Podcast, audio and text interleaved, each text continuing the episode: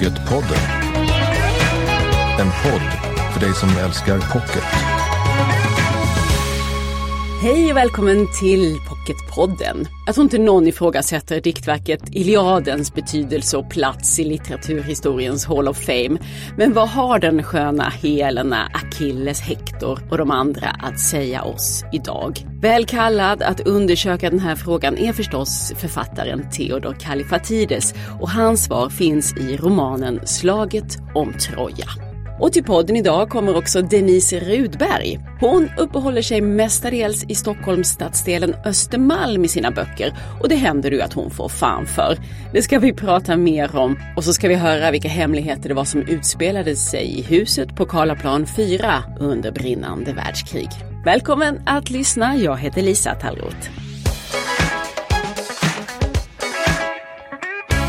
Då ska det handla om olycklig kärlek, blodig hämnd, tjuriga hjältar och envisa kvinnor. I Homeros tappning heter den Iliaden, den här historien, och här finns det mest av mänskliga drivkrafter och begränsningar representerade. I Theodor Kallifatides version är det här en roman som heter Slaget om Troja och den ska vi prata om nu. Välkommen till Pocketpodden Theodor Kallifatides. Tack så mycket, tack så mycket. Vi kanske ska börja med en snabb repetition ändå av själva grundstoryn i den här myten om det trojanska kriget. Ska du eller jag? Ja, nej men du kan göra det.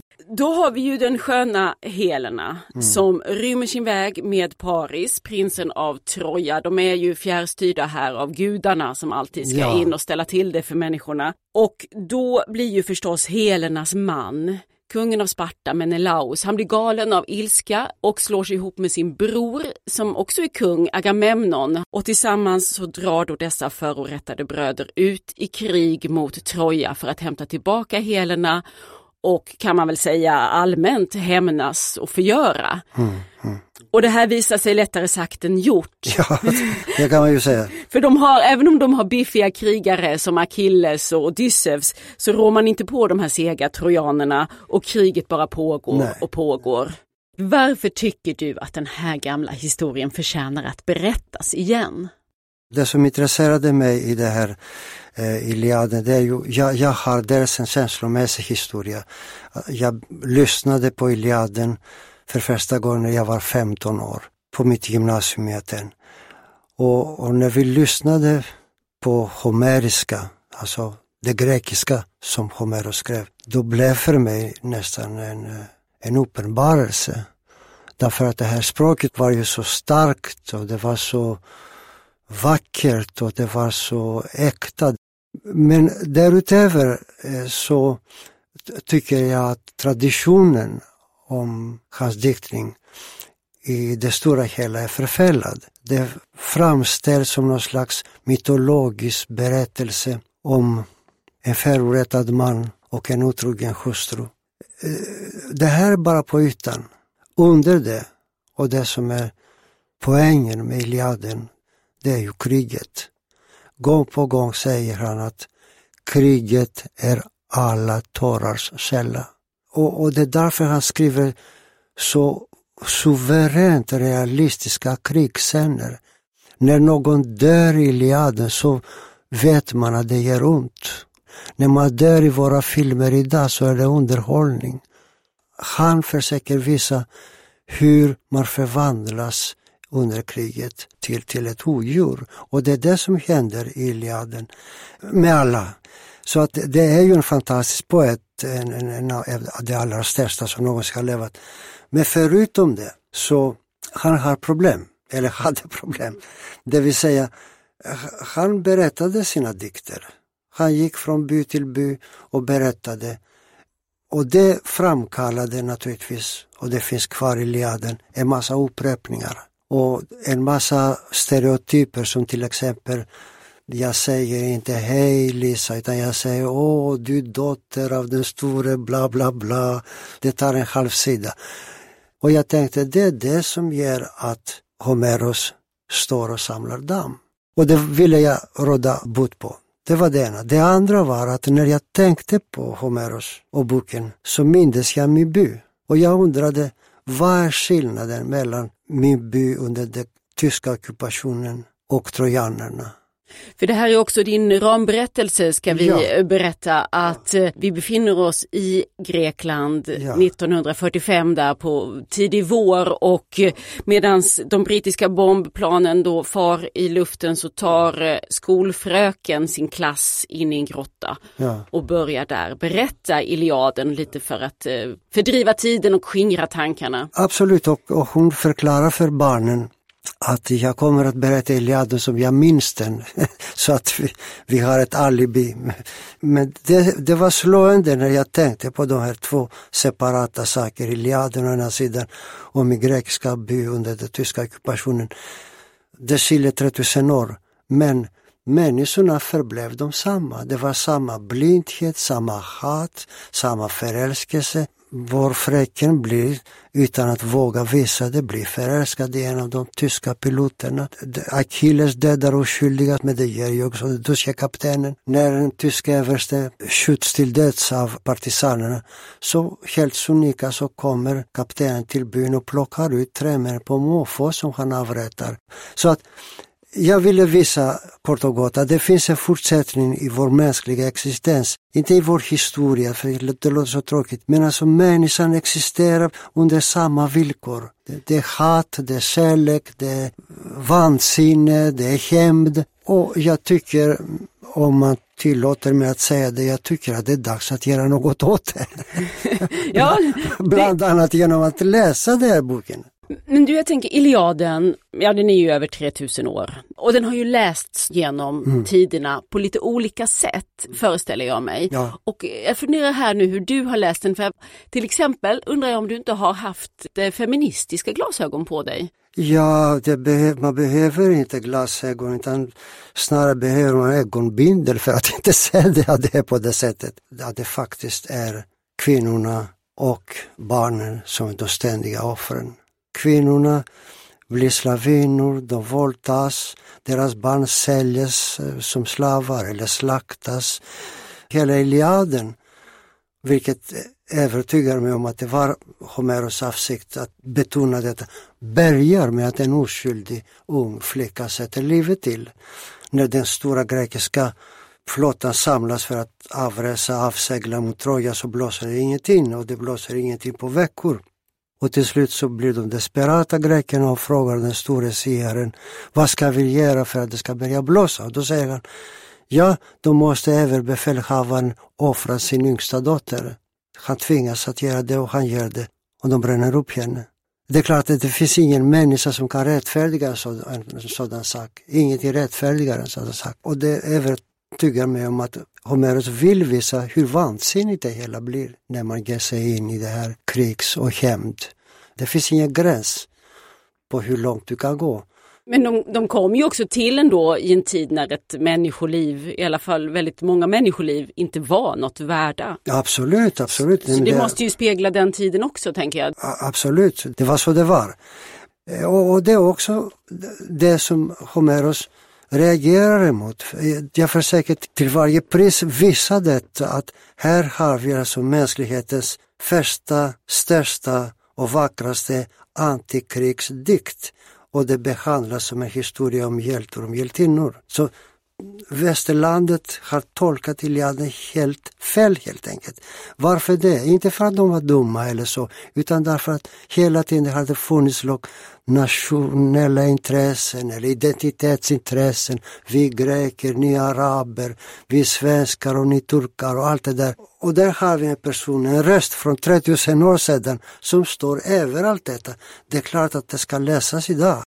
Du sa ju för ett tag sedan att du skulle sluta skriva. Det var ju en, en lögn du spred, för nu är du igång igen och det är vi glada för. Det behöver vi inte vända emot dig att du sa att du skulle sluta. Nej, nej, nej, nej. Jag, jag skojar ibland om, ja. om detta därför att man, jag har också varit med om att folk nästan med klagande röst säger till mig, ja men du sa ju att du skulle sluta.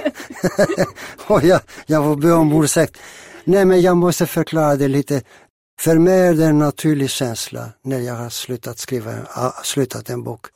Det är som den här kvinnan som ligger i sängen, hon håller sitt nyfödda barn i famnen och så går du fram och säger, när blir det nästa? Vem vill tänka på det när man har den nyfödda i famnen? Dålig timing. Och, ja, och snälla ni, varenda avslutad bok är ett avslut på mitt författarskap. Jag vet inte om jag kan skriva igen. Och jag kommer att säga det också efter min nya bok. Ja, nu blir det inga flera böcker. Men det är så det känns. Här finns ju en självklar uppföljare. Den långa hemresan, Odysseen, skulle ju också kunna få en eh, modern språkdräkt och en ny läsning. Nej, jag tänker inte ge mig i det. Nu, nu, nu har jag skrivit en ny, en ny roman eh, som ska komma ut på detta förlag nästa år. Och det handlar om mina första år i Sverige. Berättelse i tredje person. Det är inte bara självbiografisk.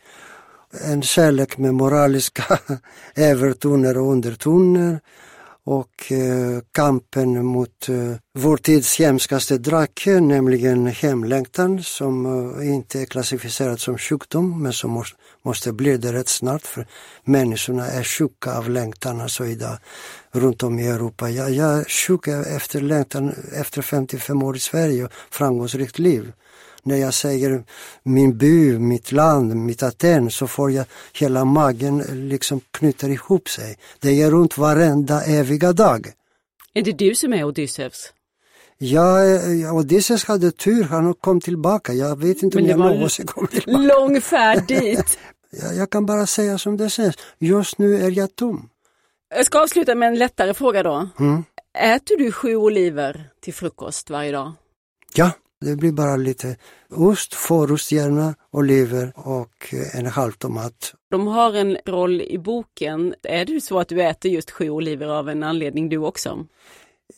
Ja, alltså det, det, sju är ju ett heligt nummer. Tog Gud sju dagar att göra den här världen. Och um, mormor åt bara oliver till frukost, sju oliver till frukost. Din mormor? Min mormor. Nej, min mamma var ju matglad och eh, hela sitt liv klagade hon på mig och sa ja, du ät som en man, du äter inte som en man. hon ville se mig rund och glad. Det gick inte så bra. Tack så mycket Theodor Kallifatides för att du kom hit och det är slaget om Troja vi har pratat om som nu finns som pocket alltså. Tack så du ha, tack för att jag fick vara med. Du lyssnar på Pocketpodden nu har vi redaktörerna här för att tipsa om fler aktuella pocketböcker. Lisa Jonasdotter Nilsson och Cecilia Losberg, välkomna. Tack. Och Lisa, du har lagt upp två böcker som båda har varsitt rejält fruntimmer på omslaget. Ja, jag tänkte börja prata om Therese Lindgren, en influencer som har skrivit boken Vem bryr sig? Och i tider av klimatångest kan den här boken inte komma lägligare. Hon skriver helt utan pekpinnar och med ett stort och ärligt patos eh, och berättar om eh, hur djuren har det, både i Sverige och internationellt och vad vi kan göra för att eh, förbättra deras situation. Och huvudbudskapet är förstås att vi ska dra ner på vår köttkonsumtion. Alla kanske inte kan bli veganer över en natt, men Therese inspirerar till att göra små livsstilsförändringar som kan få stora konsekvenser. Vad kan det vara? Ja, men till exempel byta ut köttet en dag i veckan och äta vegetariskt kanske på lördagen eller någonting. Kan man säga att det är en debattbok som Therese Lindgren har skrivit? Ja, men nästan. Men, men jag tror att hon går in i det här relativt svåra ämnet med ändå en väldigt lättillgänglig eh, liksom, vinkel. Jag tror att hon vill visa på veganismens fördelar. Vem bryr sig heter boken. Det gör Therese Lindgren som är författaren. Den andra boken är då Michelle Obamas Min historia. Ja, och precis som eh, alla andra så inspireras verkligen jag av eh, Michelle Obamas humanism och feminism. Hennes självbiografiska Min historia sträcker sig från Chicagos Southside, där hon växte upp, och så småningom in i Vita huset, som vi alla vet. Och jag blev faktiskt särskilt berörd av att läsa bitarna om när hon börjar på universitetet i Princeton och berättar om hur det var att eh, vara den enda svarta personen i föreläsningssalarna. Och det är ett stycke samtidshistoria helt enkelt. Ett riktigt läsmåste för alla som är intresserade av samhällsfrågor och politik. Ibland i sådana här politiska biografier, särskilt de amerikanska, blir det väldigt mycket namndroppande. Hur klarar hon sig kring det? Det är en del namndroppande, men jag tror att det är oundvikligt i hennes position. Alltså det går inte riktigt att eh, komma runt att berätta om människor hon möter, men hon gör det på ett bra sätt. Min historia, Michelle Obamas, finns alltså nu då som pocket också. Cecilia, du har med dig, det är också en kvinna, fast det är lite yngre, en flicka på omslaget av din bok. Ja, precis. Det här är Vivica Lärns bok Sladdisen och jag tror att eh, just på bilden på omslaget så är hon 11 år. För 11 år är hennes eh, magiska ålder, det är då man befinner sig på något vis på höjden av sitt liv. Det är lite sorgligt, det kan jag inte säga. Nej men det här är eh, Vivicas berättelse om sin barndom och hon har verkligen så mycket att berätta om en helt annan tid och om det barnet som hon ju var som var liksom envetet och envist och bestämt och helt så eget i sitt sätt att agera. Hon hatar att leka, hon gillar inte att gå på barnkalas.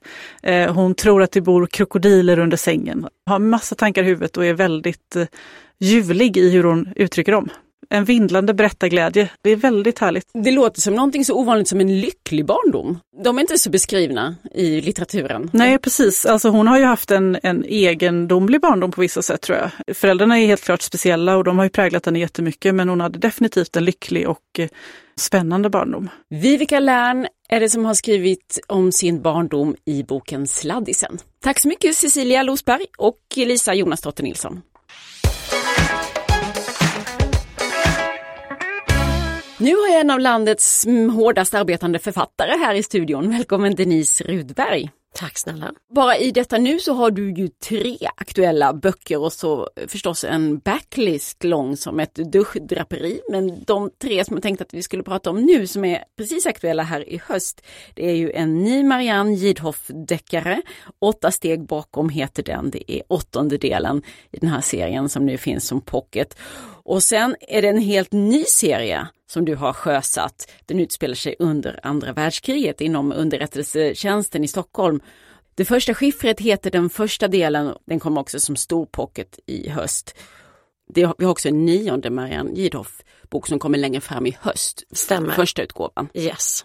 Och du, det påpekas ju ofta att du är väldigt produktiv. Ja, det stämmer. Eh, och det vänds faktiskt ganska ofta emot ja. mig också tycker jag är intressant. Gör det det? Ja, det är väldigt ofta recensenter skriver att ja, Denise Rudberg är produktiv som få.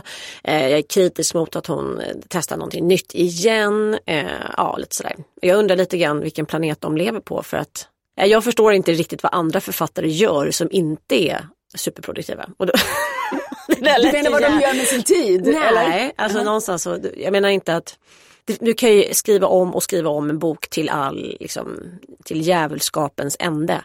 Men någonstans så, jag tror också att ju mer man skriver desto mer effektiv blir man också i sitt berättande. Eh, det är i alla fall så jag upplever. Sen vet jag att det inte funkar så för alla. Men, men för mig är det, det här känns helt naturligt att ha den här takten som jag har. Jag har ju haft den under hela min karriär. Och så jobbar du ju i serier så du har ju liksom fått upp, du har ju ändå en historia som du lever i tänker jag. Ja och där har du en väldigt stor poäng. Eh, för jag, bygger inte, jag behöver ju inte bygga upp ett universum varje gång. Så därav blir det också ett effektivt eh, arbetssätt för mig. Mm. Ja men då har vi rätt ut det. En annan sak som också förföljer dig, lite ditt eget fel eftersom du har förlagt många av dina böcker till stadsdelen Östermalm. Och då så, ehm, nu hoppas jag att, att jag citerar dig, att du har, tror att folk tänker att du är någon antifeministisk överklasskärring. Exakt, eh, det blev ett väldigt uppskattat citat. det blev klickfest på Dagens Industri när det släpptes. Uh. Först och främst så är jag definitivt inte överklass. Eh, jag kommer ju från en eh, väldigt enkel familj. Så att jag är uppvuxen på Östermalm men under ganska annorlunda förutsättningar som jag tror man förknippar Östermalm med idag.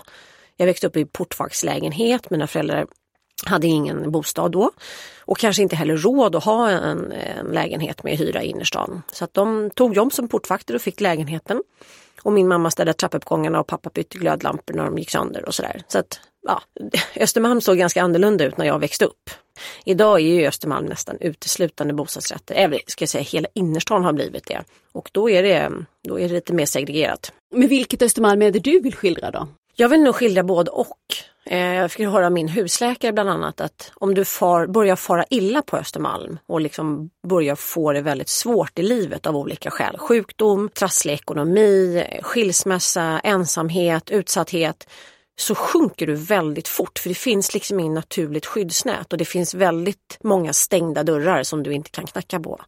Eh, och det tror jag är liksom sinnesbilden för att Östermalm idag behöver skiljas från lite olika håll det, det, är inte bara rika, lyckade, jävligt snygga människor som bor där utan det finns, det finns alla delar. Mm.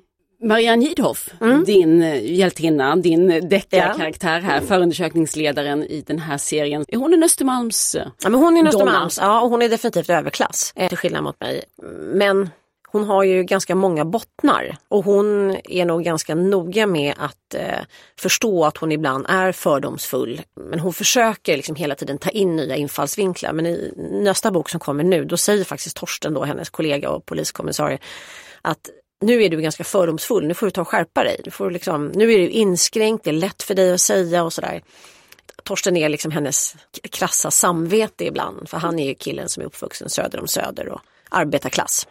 Men som läsare tänker man att du ändå idag har tillgång till eh, de här eh, salongerna då på Östermalm, även om du inte har växt upp i dem? Ja, jag har inte växt upp i det men idag är jag någon välgödd medelklasstant. Liksom. Det har jag, så att jag har gjort något av en klassresa själv. Uh -huh. Och i och med att jag är uppvuxen i liksom, den geografiska delen så har jag också fått tillgång och lärt mig allt som är runt omkring mig. Så att jag, jag får inte jätteångest över att gå på någon tjusig fest eller Likväl som jag hänger på kulturfester på Söder. Alltså det är, så här, det är ganska högt och lågt. Det är en jätterolig fest eh, som du skildrar i den här nu senaste boken, Åtta steg bakom. Eller rolig och rolig, den är roligt skildrad men festen i sig verkar extremt deppig. Det är 50-årsfester som betas av här i, ja. Eh, i eh, överklassmiljö. Jag, undrar, jag tror att just den här festen kanske de är ute i Djursholm. Ja, Villa Pauli. Ja. Ja. men jag, säga, jag har nog varit på kanske 25 just identiska sådana fester.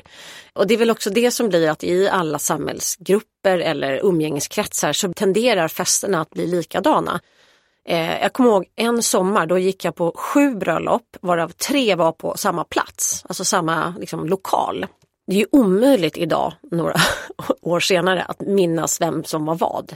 Så jag är ju en observatör och sånt där och det kryper i mig när jag liksom ser den typen av upprepning. Även om det är ju vackert och fint där och då. Men det är väldigt lätt att raljera över. Och det är det jag gick loss på när det gäller 50-årsfesterna. Just det här med till exempel att det alltid kommer in en lättklädd saxofonist. Ja, alltså, det är tydligen en grej. Nu har det varit på varenda fest. Ja. Nu är det inte roligt längre. Liksom. Nu är det så här, hon kommer in i högklackat, bikini och någon liten skinnväst eller något par shorts. Och så ställer hon sig och spelar liksom, lite klämmig saxofon eh. Och jag bara känner så här, men det var jättehäftigt första, kanske till och med andra gången. Men när man har sett det 25 gånger då är det inte balt längre. Det är jävligt fräckt av mig att sitta och raljera över för någonstans är det människor som ska ha någonting trevligt som jag är inbjuden till. Så... Får du liksom lite pikar från dina vänner och grannar på Östermalm för att äh, gå hårt åt dem? Nej, väldigt sällan. Oftast är det tvärtom däremot. Alltså, ja, jag känner igen mig själv, jag har ju också en sån här snygg klänning. Alltså, va, va? Eh, jag har inte pratat om dig, men att man, man tolkar in det man vill tolka in. Det finns en, liksom, ett begrepp i, i amerikansk lag i alla fall som heter the little penis syndrome. Och det är just att om du beskriver en ganska usel karaktär som dessutom har en ganska liten penis så det finns inte en levande människa som kommer ta upp det här till rättssak och säga så här, jag är den sjukt osympatiska karaktären, dessutom med en liten penis. Det är ingen som ställer sig upp och räcker upp den handen. Så att man är ganska, man går ganska fri. Det var jag fri. som hyrde saxofonisten. den lättklädda saxofonisten, det var jag. Ja. Nej, så att, eh, Smart. Ja. Jag vet att min, en av mina redaktörer sa att du är absolut bäst när du är som elakast. Mm. Bara, det där är inte trevligt, det är inte charmigt men det är lite kul att vara, liksom, det är kul att sitta och raljera. Mm. Du har ju nästan 20 år varit aktiv författare. Mm. Ja, nästa år firar jag faktiskt 20 år. Hur, hur tycker du att ditt författarskap har utvecklats? Eh, jag har blivit mer effektiv, eh, effektiv i berättandet. Eh, kanske ibland är lite fegare. Jag tyckte att jag var lite mer edgy i början. Mm -hmm. Jag fick en recension av min nya bok som, heter Det första skiffret. Så skrev den personen att Denise Rubber har nu lyckats skriva en bok om sympatiska karaktärer, vilket hon inte har gjort förut. Och det har jag blivit väldigt omskriven för att jag beskriver väldigt ganska osköna typer och det är framförallt kvinnor som inte är alltigenom sympatiska och det ser jag ju som en komplimang. För jag kan tycka att, att det ska vara tillrättalagda, glada, tillmötesgående, insmickrande kvinnliga karaktärer känns jävligt tråkigt faktiskt. Så att, men eh, den här boken är lite annorlunda av det skälet. De är liksom, det är 40-tal så de är ändå lite mer försiktiga. Mer feministisk sa din förläggare att hon tycker att du har blivit eh, genom åren. Ja, jag har nog egentligen alltid varit feminist. Alltså jag, har, jag har nog bara inte haft retoriken. Och min allra första bok handlade egentligen om liksom, våld i nära relationer, en väldigt utsatt kvinna som också får hjälp av sin närmaste väninna att bryta sig loss. Så för mig var ju det egentligen en feministisk käftsmäll mot samhället. Även om det inte uppfattades så. Men hade jag skrivit den idag så hade det mottagandet blivit det också. Mm. Det är jag helt säker på. Så det handlar bara om retorik. Så man ska inte alltid avfärda så utan men, ja, med åldern blir man en bättre feminist. Och den här nya boken, eh, Det första skiffret, mm. den andra av dina nu aktuella böcker kommer ju som storpocket längre fram i höst. Men mm. där har du verkligen tre starka kvinnoporträtt. De har ganska olika bakgrunder de här kvinnorna. Men de får i uppgift att jobba med signalspaningen mm. i underrättelsetjänsten i Stockholm under andra världskriget. Precis, de får hjälpa, eller ska hjälpa till försvaret att knäcka, alltså försöka forcera de tyska koderna. Tyska meddelanden som skickas. Och ibland skickas direktmeddelanden, ibland är det krypterade meddelanden. Så att det gäller att liksom försöka hitta ett mönster och det är det de får i uppdrag att göra. Och här har du ju verkligen satt tänderna i research, historisk eh, research kring vad det var egentligen som hände där vid Karlaplan ja. under kriget. För det här har en förlaga, eller hur? Absolut. Det fanns ju då en, en kryptoavdelning som eh, Försvarets radioanstalt eh, installerade på Karlaplan 4. Och eh, det här, alla historiska händelser är verkliga. Så att det är inte så att jag har hittat på. Däremot om de går och handlar mjölk i någon specifik eh, mjölkaffär någonstans så har jag ju skapat det själv. Men allting förhåller sig till verklighet och historiska händelser. Väldigt spännande och också väldigt spännande tre kvinnor som du har eftersom de kommer från så olika håll. Och har de inte också någon förlaga i ditt verkliga jo, liv? exakt. Det är ju då eh, Elisabeth har varit inspirerad av min farmor. Som började, min farmor började jobba på flygvapnet 1939 och jobbade där fram till sin pension. Hon var också som Elisabeth 180 centimeter lång, hade knallrött jättelångt hår och eh, hördes väldigt mycket.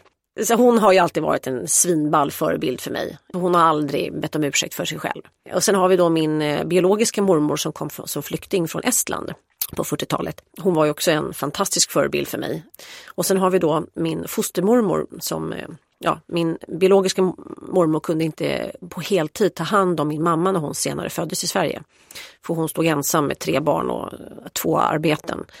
Så hon fick en extra familj. Och den kvinnan som då var där är min fostermormor som även då är Signe inspirerat av. Sen har jag ju, jag har ju bara tagit liksom det jag har upplevt av dem. Så det är inte så att jag har liksom tagit deras exakta historia utan jag har inspirerats av dem. Ja. Återkommande då i dina böcker är starka kvinnoporträtt, Stockholm och sen choklad. Ja. Vad är det med dig och Nej, men alltså choklad? Jag, jag tänkte att jag kommer inte kunna skriva om choklad i, i, en historisk roman och sen så började jag googla på då Karlaplan 4. För det första att centrum för signalspaning i hela Europa låg på Karlaplan. Det var ju så här, vänta nu det är ett kvarter från där jag bor. Det här är helt sjukt. Och sen så började jag googla på Augusta Jansson och då ligger det i samma, mer eller mindre samma kvarter som Karlaplan 4.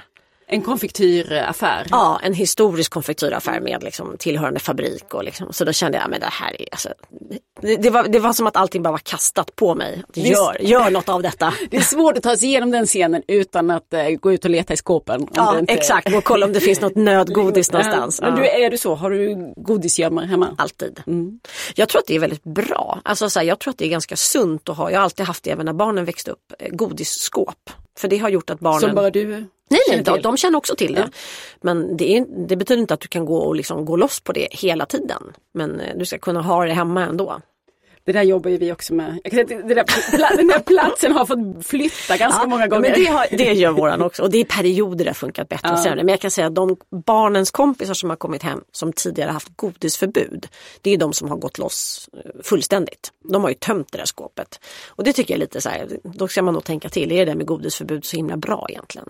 Det tror inte du på. Nej, skit, skit i det bara säga. Gud vad tråkigt. Men vad kul att det finns, för du spänner ju bågen här nu i första delen, det första skiffret. Eh, och då har, kommer det här vara en historia som, som räcker ett tag för det ska komma tio delar. Den kommer, precis, den sträcker sig från 1940 som är första delen avstamp och sen så fram till 1964.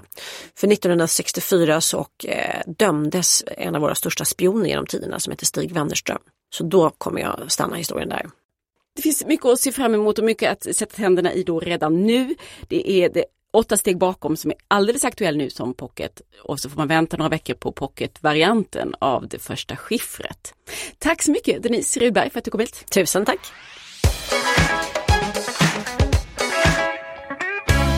Ja, nu är det snart bokmässa i Göteborg och då hoppas jag att vi ses. För jag och Pocketpodden är där. Vi kommer att ha en rad samtal med författare på scen, på Crime Time-scenen. Det blir Louise Borg av Jennes, Måns Kallentoft, Maria Adolfsson, Anna Tell med flera, med flera. Och jag hoppas att vi ses där. Har du inte möjlighet så kommer du ju förstås att få höra allt detta i ett maffigt bokmässespecial. Det blir nästa avsnitt av Pocketpodden.